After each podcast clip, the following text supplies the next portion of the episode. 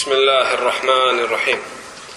الحمد لله رب العالمين والصلاة والسلام على نبينا محمد وعلى آله وأصحابه أجمعين.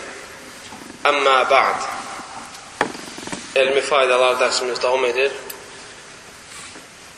بكم كل درس من عنوان دا بعض الشيطان الأمال لاري شيطان بعض الأمال لاري هنسو كي عادة شيطان شيطان o əməlləri edir. Və adətən bəzi insanlar da həmin əməlləri edir.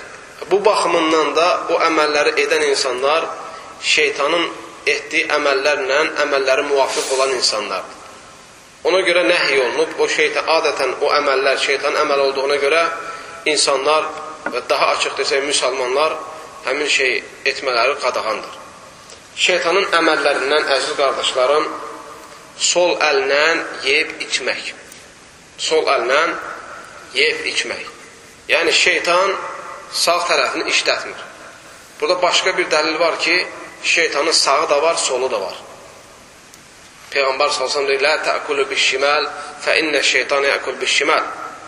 Sol əlinizlə yeməyin. Həqiqətən şeytan sol əli ilə yeyir. Bu onu göstərir ki, şeytanın sağ tərəfdə var, sol tərəfdə var. Amma adətən nə edir? Onun xüsusiyyətlərindəndir solla yemək.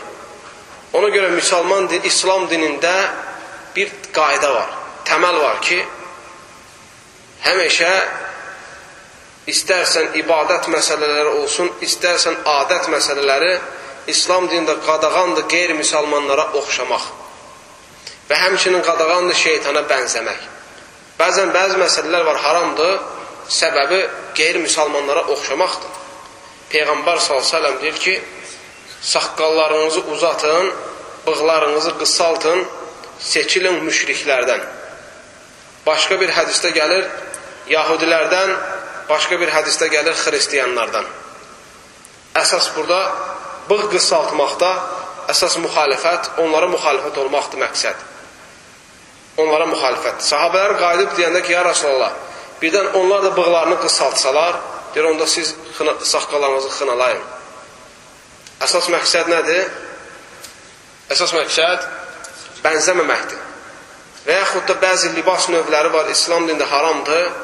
Ona görə ki, o qeyri-müsəlmanlar, qeyri-müsəlmanların geyindiyi özəl libasdır. Qeyri-müsəlmanların geyindiyi özəl libasdır. Və həmçinin də məsələn şeytanın əməlləri var. Müsəlman nəhy olunub ki, o əməl baxımından şeytana bənzəsin. Onlardan biri də sol əllə yeyib içmək. Ona görə qadağandır ki, hətta insan şeytana bənzəməsin deyə. Həmçinin şeytanın əməllərindən alış-verişi sol əllə etmək. İnsanlar arasında belə bir adət var ki, alanda so sağla almalısan, verəndə solla verməlisən. Bu əziz qardaşım batil bir qaydadır. Peyğəmbər s.ə.v alanda da sağla alardı, verəndə də sağla verərdi. Və müsəlmandan tələb olunan da budur. Deməli, sağ, solla alış-veriş etmək, almaq və yaxud bir şey qaytarmaq e, şeytanın əməllərindəndir. Həmçin şeytanın əməllərindən bir ayaqqabı ilə gəzmək. Adətən bu əməllərdə insanlar da müştərikdir şeytanla. Və bunu etməmələrin, bu, bu əməlləri insanların etməsində əsas qadağanın səbəbi şeytana bənzəməkdir.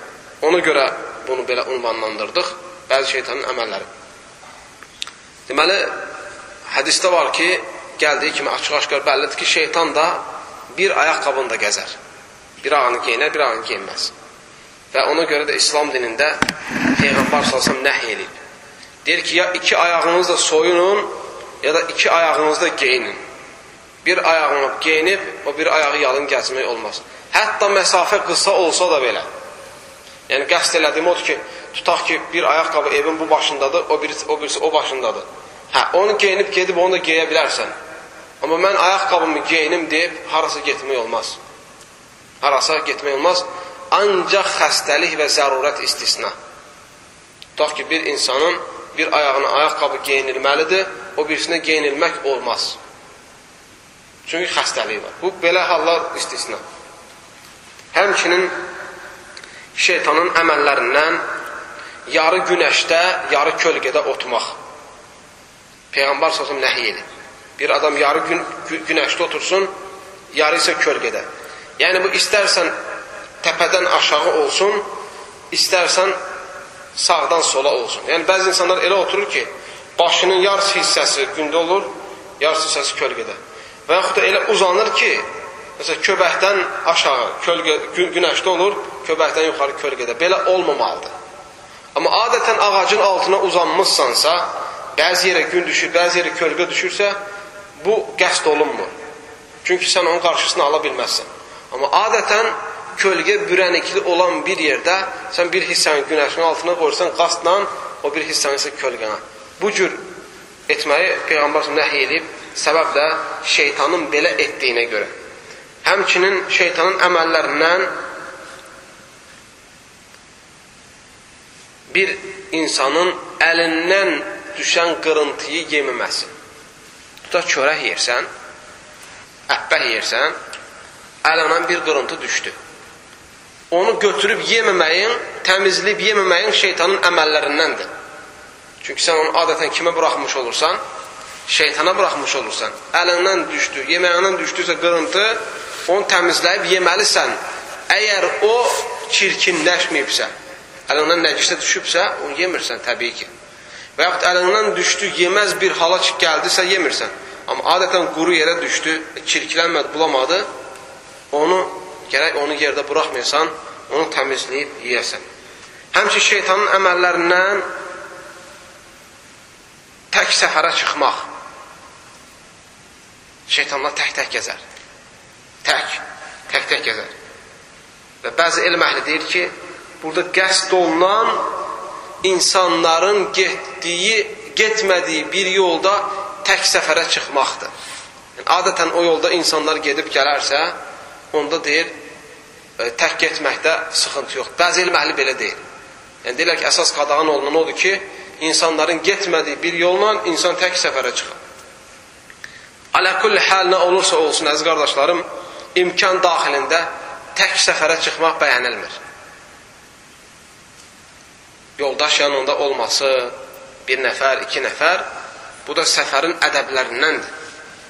Çünki insan tək səfərə çıxdığı zaman böyük sıxıntılara düşə bilər. Ona görə insan sıxıntı çəkməsin deyə adətən İslam dində gəlib ki, özünə imkan daxilində yoldaş götürəsən və yaxud bir yerə çıxdıqda bir yoldaşlı gedəsən. Bunların hamısı imkan daxilində. Mümkündürsə yəni. Həmçinin şeytanın əməllərindən tələsmək.